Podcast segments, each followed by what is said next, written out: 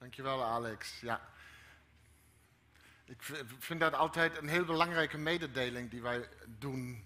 Zeg dat is, uiteindelijk is, zijn wij samen uh, een gemeente. Dus je geeft niet aan een club die jou uh, wel of niet uh, bedient, maar je geeft aan jezelf. Dit is wat wij met elkaar doen. Met elkaar houden we ons staande, ook in deze tijd. Dus ik nodig jullie van harte uit. Geef dus met hart en ziel aan een gemeente die zorgt voor hart en ziel van ons als gemeente.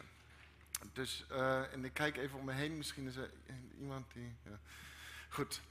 Wij um, hebben mooi met elkaar gezongen en ik blij, ben blij dat we dat ook uh, uh, nog gaan doen en, en blijven doen in deze tijd, want ik geloof heilig, en dat is niet alleen mijn geloof, maar ik, dat is ook, ja, durf die term bijna niet in de mond te nemen, wetenschappelijk bewezen.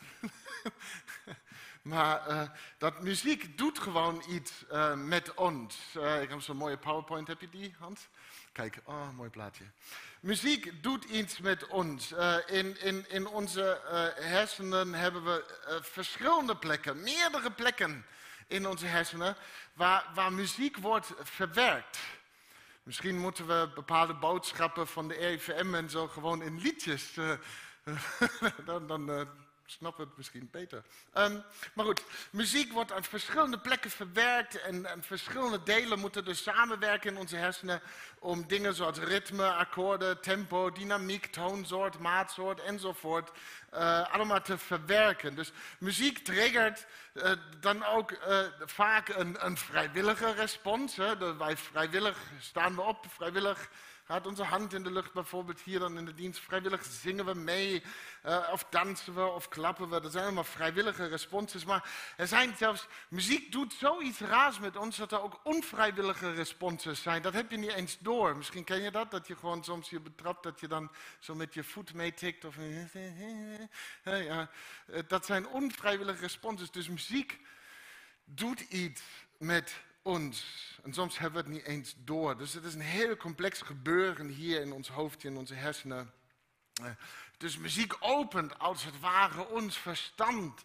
En laat ons dingen um, heel anders zien en, en, maakt ons op, op een heel andere manier ontvankelijk. Um, bij mij werkt het zo, ik weet niet hoe dat bij jou is, Anke, maar ik heb bij preekvoorbereiding heb ik altijd een koptelefoon erin en dan heb ik daar zo'n playlist die heet preekvoorbereiding. en, ja, dat, werkt. En afhankelijk van welk nummer op welk moment in de preekvoorbereiding komt, uh, dat, zo pakt de preek dan ook op dat moment uit, zeg maar. En soms wil ik graag, oké, dit moet een plek zijn in de preek, hier wil ik echt dit of dat doen. Maar het is het verkeerde liedje. Dan ga ik in de, in, de, in, de, in de playlist even, dat is hem, dat is hem, kijk daar. Die moeten we hebben. Nou, muziek doet gewoon iets. En, en, en, en we worden anders ontvankelijk. Dingen komen anders binnen met muziek. Het is dus ook dus niet zo gek dat wij hier zingen. En niet alleen in corona, maar überhaupt dat wij zingen in een dienst. Zelfs in de, in de Bijbel zien we al voorbeelden van dit concept terug in, in, in Twee Koningen lezen we een moment dat Elisa, die wordt uitgenodigd om bij de koning te komen profiteren. En daar heeft hij eigenlijk niet zoveel zin in. Maar dan lees je daar in uh, 2 Koningen 3 dat Elisa zegt, maar goed, oké, dan doe ik het wel. Laat dan een lierspeler komen, staat er. Laat een lierspeler komen. En dan staat er, en terwijl de muzikant op de lier speelde, werd Elisa gegrepen door de hand van de Heer. En hij profeteerde. Was door die lierspeler dat de hand van de Heer eh, ja, Elisa greep en, en, en, en hij begon Gods woord door te geven. Ging iets open. Muziek doet iets met ons. En ik wil samen met jullie uh, naar wat muziek kijken die, die zomaar, met, zomaar iets met ons zou kunnen doen vandaag. Naar, naar, naar liederen, naar, naar de psalmen. En in bijzonder één psalm. Uh, en de, de, liederen die we net zongen, dat zijn prachtige, prachtige liederen. Hè? Ze geven ons woorden uh, om ons gevoel, ons hart, ons, ons verstand aan, aan God te geven. En, en de psalmen deden dat ook. En dat zijn allemaal liederen die toen werden gezongen. En als ik het over toen heb, dan bedoel ik niet misschien die kerk waar je vroeger zat en waar je die psalmen op uh, hele en dubbele noten hebt gezongen. Maar ik bedoel toen. 600 jaar voor Christus en verder en, daarna. Dus dat, dan, dat, dat waren de liederen die ze destijds hebben gezongen. Uh, dus de psalmen zijn voor een groot gedeelte niet zozeer Gods woord dat naar ons toe komt in, in, in Gods woord in de Bijbel. Uh, maar het zijn veel meer de woorden die wij hebben gekregen en naar God mogen gaan.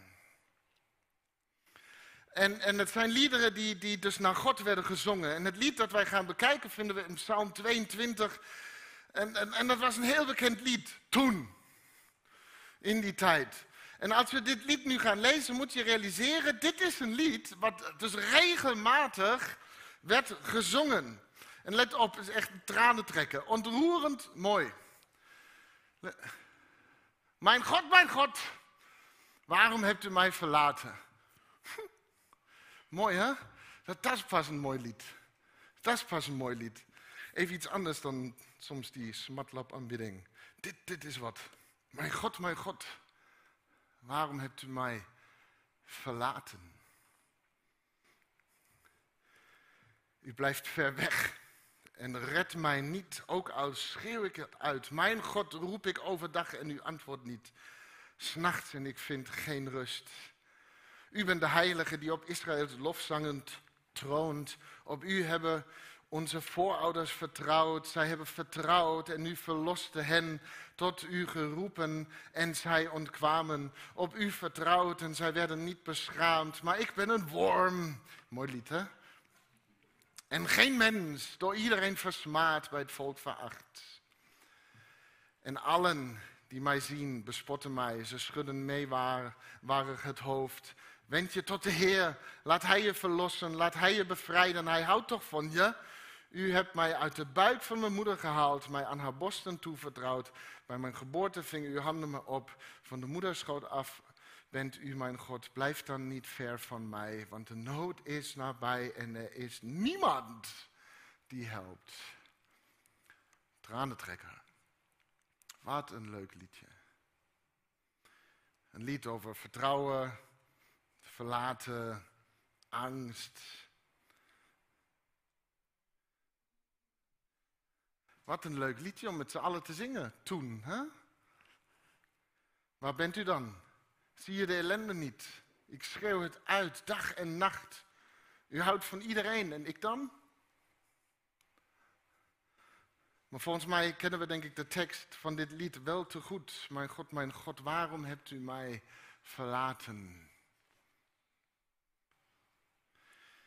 We zien allemaal de beelden bijvoorbeeld van hoe het ervoor staat in onze ziekenhuizen.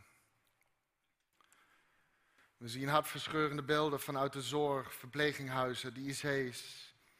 Elk getalletje op het coronadashboard is een triest verhaal van een mens met een gebroken toekomst.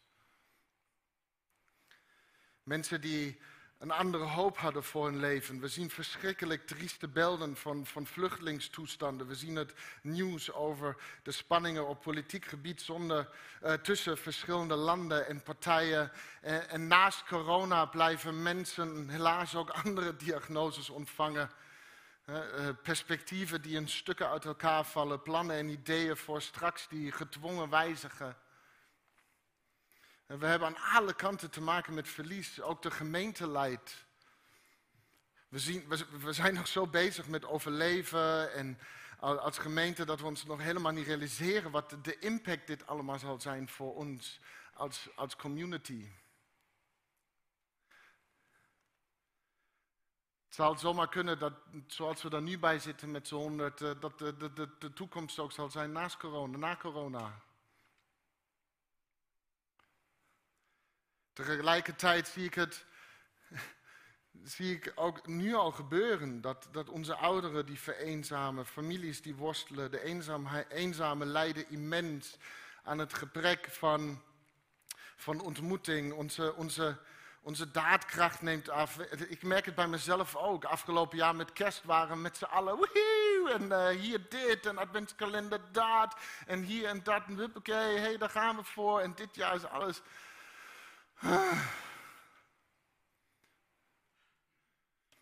Ik heb dan een kindje gekregen. Ik heb dan ook een excuus om. Uh, maar.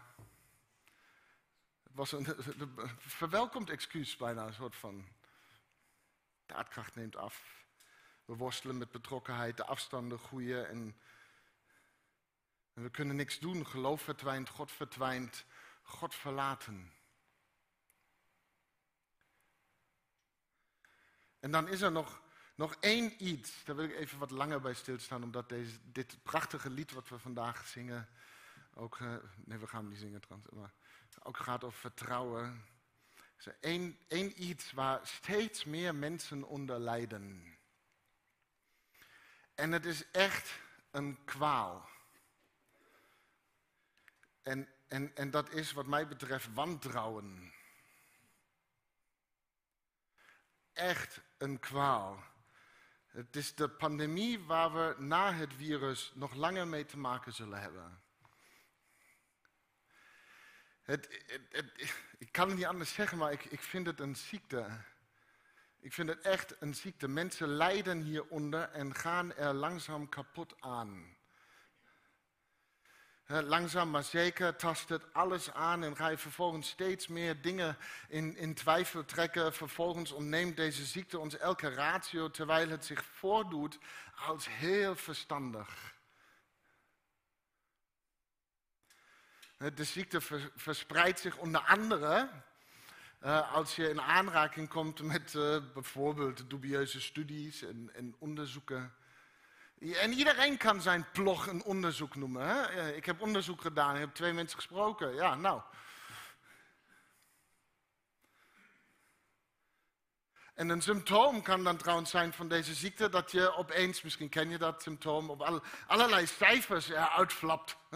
Elke discussie die ik heb, iemand post dan weer uh, iets met een, waar cijfertjes op staan en percentages. soms in het Italiaans of Frans. Nou oké. Maar goed, gewoon allerlei cijfers flappen eruit om onze wantrouwen te onderbouwen. En het, het lijkt heel verstandig, maar, nee. Ken, ken, ken, je dat symptoom? Ja, ken je dat?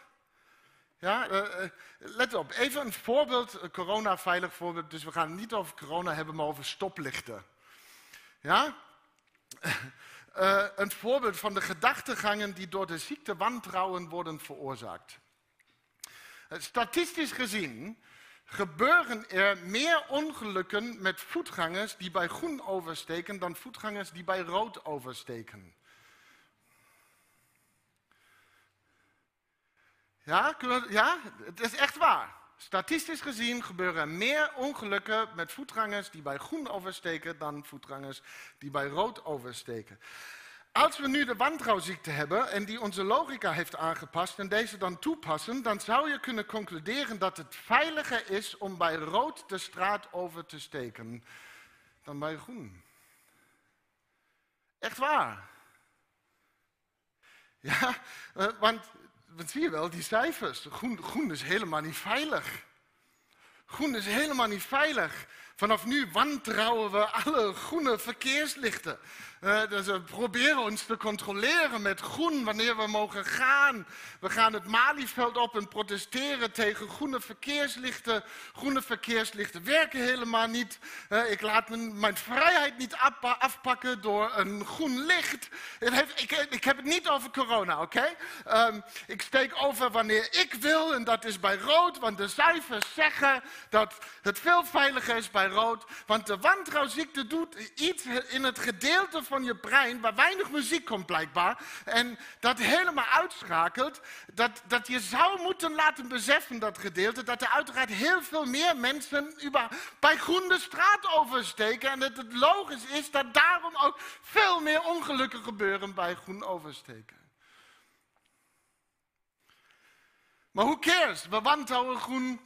En er is vast nog een complot te bedenken dat GroenLinks en hun geheim masterplan dat GroenLinks en hun geheime masterplan de schuld heeft. Ik, ik, ik maak grappen, maar, maar mensen lijden er echt onder.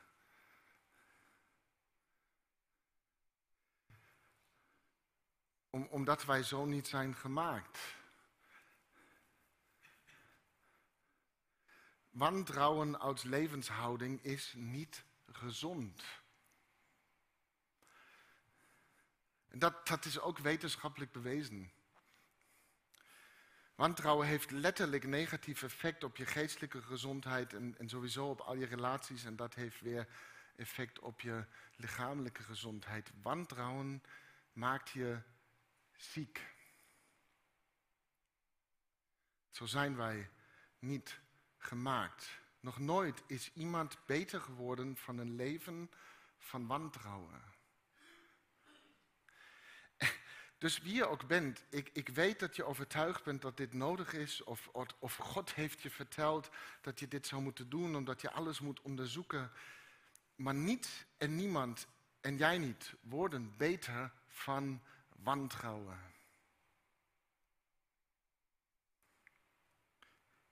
Het zijn gewoon bizarre tijden waarin iedereen's vluchtgedrag gewoon zo schijnend duidelijk wordt. En ik zei gisteren nog uh, tegen mijn zwager, zegt, het, het zijn, het, verspil nooit een goede crisis, want hier daar komt nu de aap uit de mui. Nu, nu kunnen we daar iets mee, maar oh, wat is het vermoeiend als, als we in zo vormende tijden leven. die vormen zouden kunnen zijn voor ons. Het komt zo naar boven, we vluchten. Sommigen vluchten dus naar wantrouwen omdat we deze, deze toestanden niet kunnen handelen. Anderen vluchten naar eindtijdgedachten omdat ze deze tijd moeilijk kunnen rijmen met, met hun happy-clappy geloof. Um, weer anderen vluchten naar prullen en protesteren om dat innerlijke lijden te overschreeuwen. En sommigen vluchten naar, naar veilige gedachten van complotten, zodat ze niet moeten dealen met de onvoorspelbaarheid van het leven. Uh, weer anderen vluchten naar boven en alles wordt een of andere heel ingewikkelde, wazige geestelijke strijd. Um, maar waar je ook heen vlucht.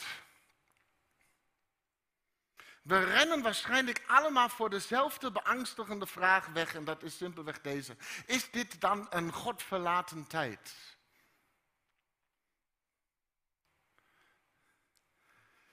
We zitten vast in onze gebroken verhalen en denken dit moet de meest godverlaten plaats op aarde zijn.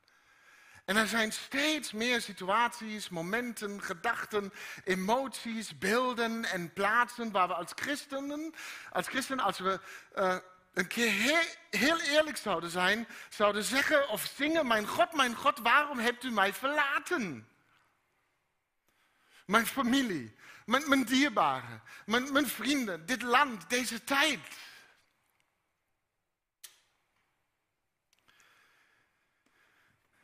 En, en soms zijn er gewoon van die momenten waarop ik er niet meer tegen kan en denk, dit is, een, de, dit is de meest godverlaten plaats op aarde. Overal om ons heen zien we getuigenissen van hopeloosheid. En zelfs wij als kerk zijn ook niet per se een, een, een getuigenis van hoop. Kwijnen zelf weg in onze hopeloosheid. De familietrauma's die zich ontvouwen in onze eigen straten of in onze eigen gezinnen. Tieners en jongvolwassenen die, die dingen doen die ver weg zijn van wat hun ouders zich ooit voorstelden voor hun leven. Of denk aan degenen die, die hier in onze diensten zitten, wel hier of thuis. Ze zingen vrolijke liedjes voor Jezus en als het voorbij is gaan we weer terug naar onze kast. Omdat niemand mag zien wat werkelijk speelt in ons leven. Zingen misschien heilig is de naam van de Heer, maar van binnen schreeuwen ze, mijn God, mijn God, waarom hebt u mij verlaten? Ik heb het geprobeerd, ik heb hulp gezocht en ik weet niet hoe verder. Een oorlog hier, een oorlog daar, een aanslag hier, een, oorlog daar, een moord daar, een zelfmoord hier, stormen, overstromingen, aardbevingen. Mijn God, mijn God, waarom?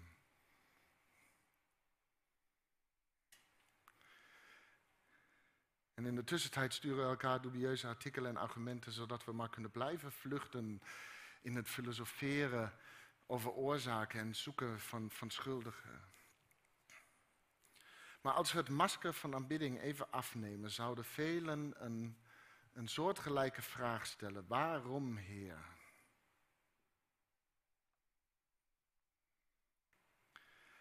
En dan realiseer ik me dat als ik onder andere de psalmen lees, de, Bijbel vol staat met het ene verhaal na het andere van mensen die proberen het antwoord op deze vraag te vinden. God, waar bent u? Is dit dan de meest godverlaten plaats op aarde?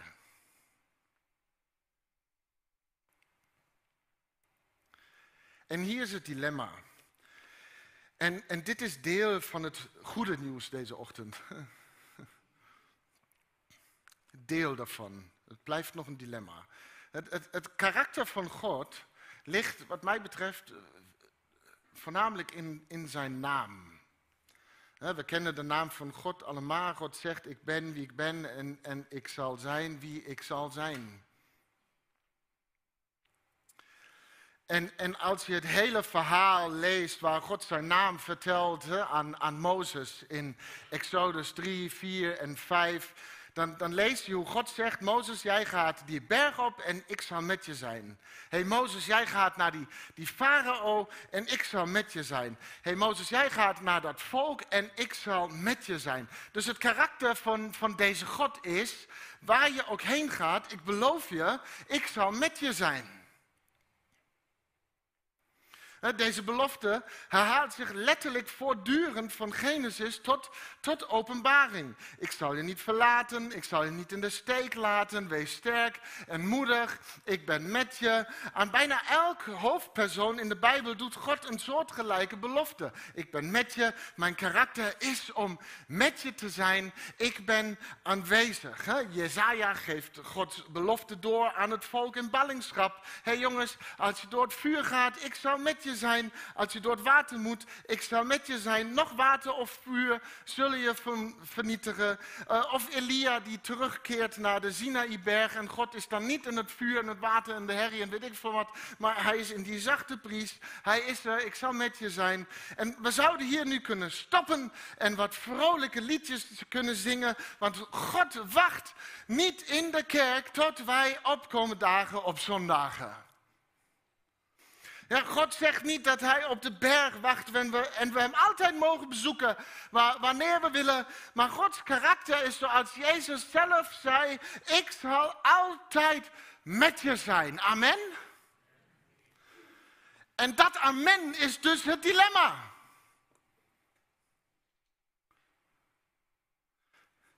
Want wat moet ik doen? Even heel eerlijk.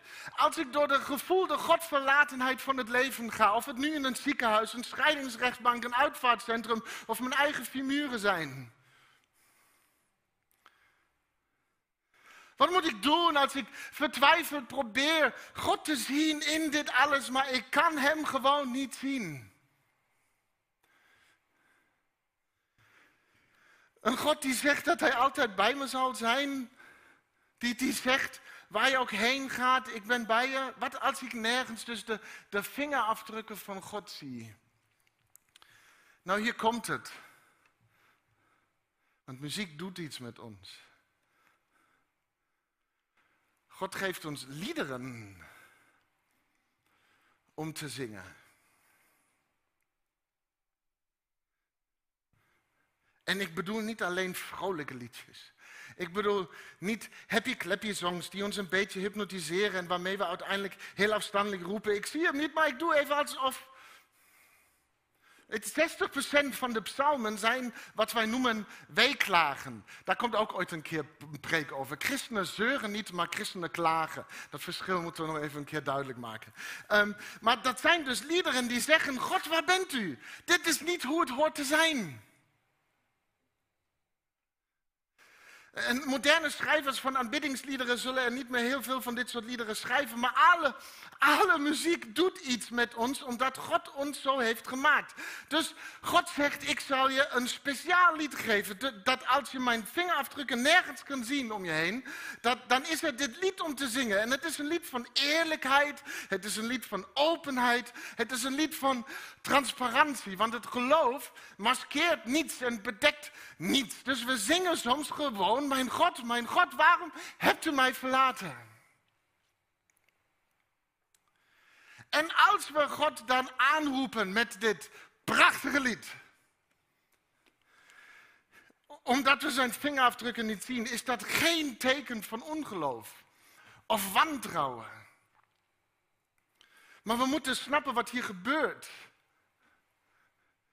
Het is een kind wat naar zijn vader of zijn moeder toe gaat en letterlijk voor vader of moeder staat en erkent, daar staat mijn vader of moeder en zegt, ik ben niet happy, doe iets.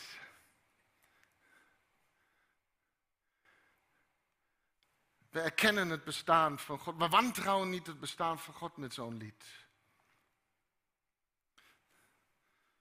Een gelovige persoon heeft juist genoeg geloof om erop te vertrouwen dat ze eerlijk mogen zijn tegen God.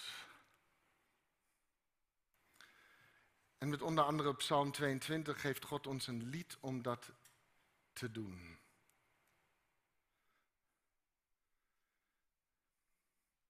En dan Advent. Dan was er ongeveer 2000 jaar geleden opeens een bijzonder moment in de geschiedenis van de mensheid. Het was een moment dat God zich inpakte in vlees en, en, en mens werd. En het is dezelfde God voor wie dit lied in Psalm 22 werd geschreven, zo'n 600 jaar voordat Jezus het toneel opkwam. Dus 600 jaar lang hebben mensen die bij elkaar kwamen om te aanbidden dit lied gezongen. Mijn God, mijn God, waarom hebt u ons verlaten? Het was het lied van, van zielsangst. Het was het lied dat zei, ik geloof, help mijn ongeloof. Waar, waar bent u? En, en, hier komt het. Dus 2000 jaar geleden, dus misschien is het een kerstboodschap, nadat mensen voor meer dan 600 jaar dit lied hebben gezongen, mijn God, mijn God, waarom hebt u mij verlaten? Werd God mens en zei, ik ben er. Tada! En, en luister goed stukje theologie, belangrijk om te benoemen. Wij geloven niet, niet, dat er ooit een moment was in het leven van Jezus waarin hij zijn God zijn, zijn goddelijke natuur heeft opgegeven. Op welke manier dan ook. Ja, vanaf het moment van zijn geboorte en de rest van zijn leven op aarde was Jezus 100% God en 100% mens. Ik, en, en, je vraagt je af, hoe is dat mogelijk?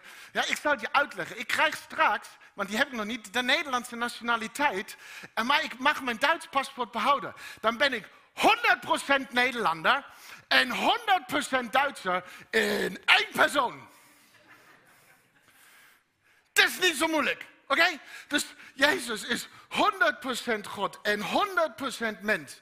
En op het eerste moment van zijn bestaan zingt vervolgens Jezus een lied aan het kruis. En we kennen het. Op het middaguur viel er een duisternis over het hele land, die drie uur aanhield. Aan het einde daarvan, in het negende uur, riep Jezus met luide stem: Eloi, Eloi, lema sabachthani, wat in onze taal betekent: Mijn God, mijn God, waarom hebt u mij verlaten?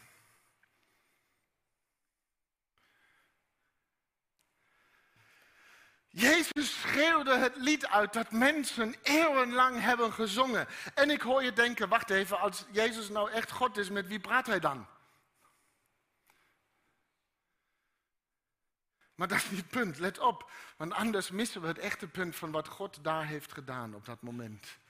Jezus gaf niet op God te zijn, maar wat God heeft gedaan is, hij, is, dat hij dus zelf het lied heeft gezongen dat mensen honderden jaren lang hebben gezongen. Ik, ik hoop dat je ziet wat hier gebeurt. Dus God zelf deed mee.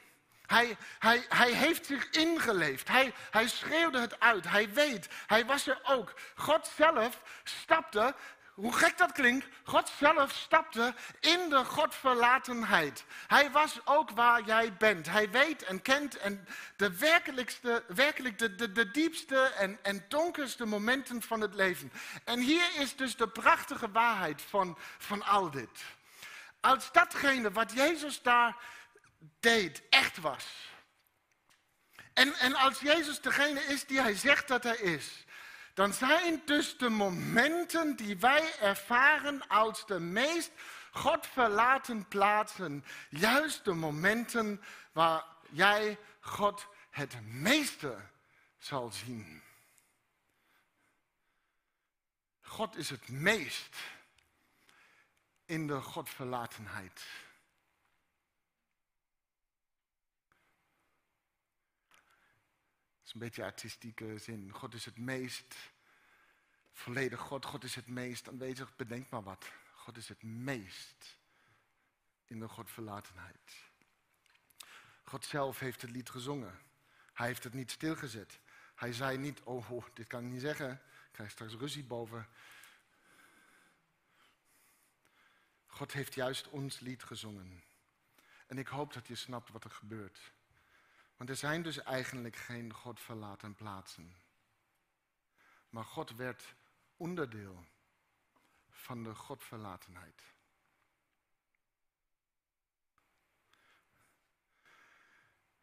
Dus de volgende keer dat je zegt, ik zie nergens de vingerafdrukken van God.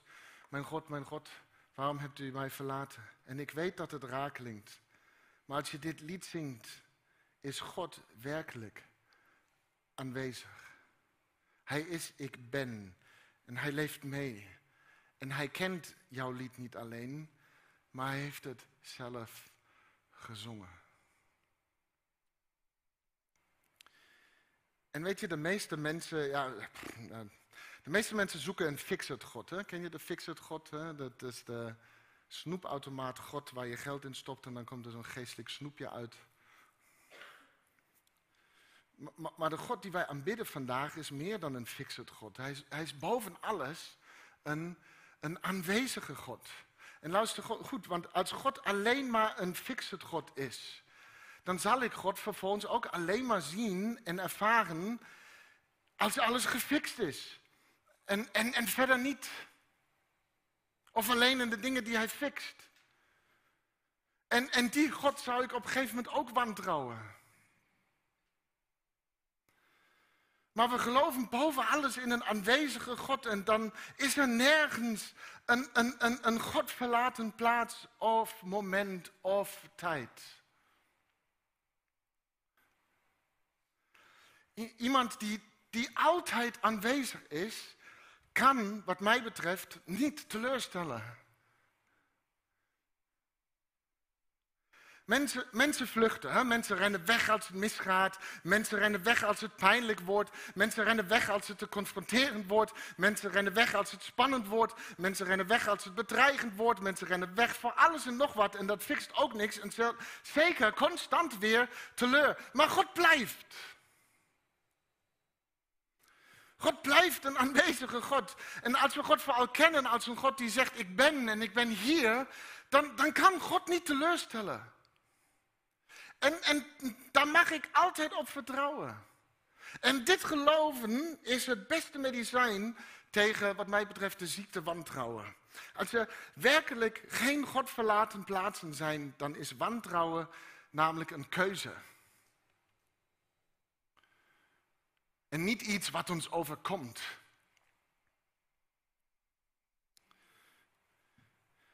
Dus als het een keuze is, dan kan ik ook voor iets anders kiezen. Ik kan me gewoon gezond kiezen. Ik kan me beter kiezen. En ik wil een leven leven waar ik constant weer kies voor het vertrouwen in Gods aanwezigheid in alles, op elk moment, overal. En ik heb het over Gods aanwezigheid. Ik heb het niet over Gods manipulerende aanwezigheid. En dan gaan we weer verzanden in discussies. Ja, maar dan is corona dus Gods schuld. Daar hebben we het niet over. Het gaat over Gods aanwezigheid in de Godverlatenheid. Dus elke keer als ik om me heen kijk en ik zie overal ellende en stress en pijn en wantrouwen en ruzie en gedoe en hopeloosheid en angst en ik denk dat dit de meest godverlaten plaats en tijd op aarde is en ik zing het lied, mijn God, mijn God, waarom hebt u mij verlaten? Dan, dan hoor ik ook een andere stem, want muziek doet iets met ons. Ik word ontvankelijk voor meer en ik begin dingen anders te zien. Ik hoor opeens deze stem heel anders, die me dingen heel anders laat zien. En die stem zegt, Dennis, kijk. Kijk, deze plaats en tijd is alles behalve God verlaten. Want als we dit gaan, als we kiezen hiervoor te, dat, als we hiervoor kiezen om dit te geloven, dat dit een God verlaten tijd is, dan gaan we ons ook zo gedragen. En dan gedragen we ons niet hoopvol. Dat is een andere preek. Die had je al. Maar dan is er die stem die zegt, Dennis, kijk, deze plaats is alles behalve God verlaten. Ik ben er. En opeens kijk ik anders. En ik zie artsen en verpleegkundigen die, die ja, tot aan hun grenzen zorgen voor mensen. Is ook niet gezond, maar ze, ze doen het.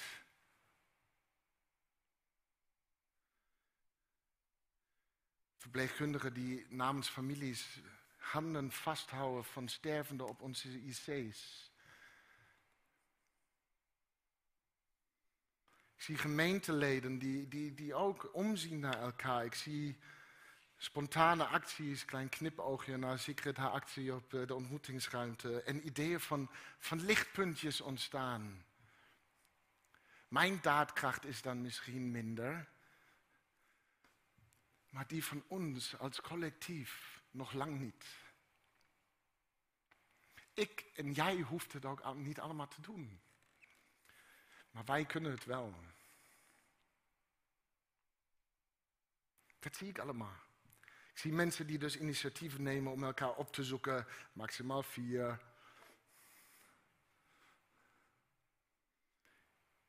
Ik zie juist in deze tijd een heleboel nieuwe mensen deze deuren binnenkomen, omdat deze deuren open zijn.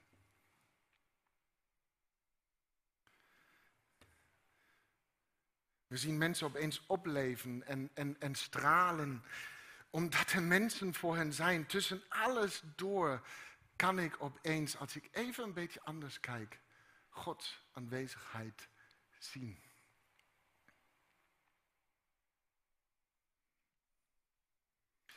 En dat overkomt me niet, maar daar kies ik voor. Dus in tijden zoals deze heb ik niet nodig dat mensen komen en excuses maken voor, voor God. En, en filosoferen over oorzaken en, en schuldigen zoeken. Alles wat ik nodig heb is dat mensen opkomen dagen met een barmhartige goddelijke aanwezigheid. En, en wat maakt het goddelijk? Omdat deze ons is gegeven door een God die niet alleen luisterde naar een mensheid die een wanhopig lied zong. Maar het is een God die bereid was het lied zelf te zingen. En dat maakt God een aanwezige God in alles. En als God komt opdagen, zal hij niet alleen op je schouder kloppen en zeggen dat het hem spijt, maar hij zingt hetzelfde lied als jij, als wij. En ik wil dat je dus vandaag weet, dat is eigenlijk alles. God zingt met je mee. En dat doet hopelijk iets met ons. Amen.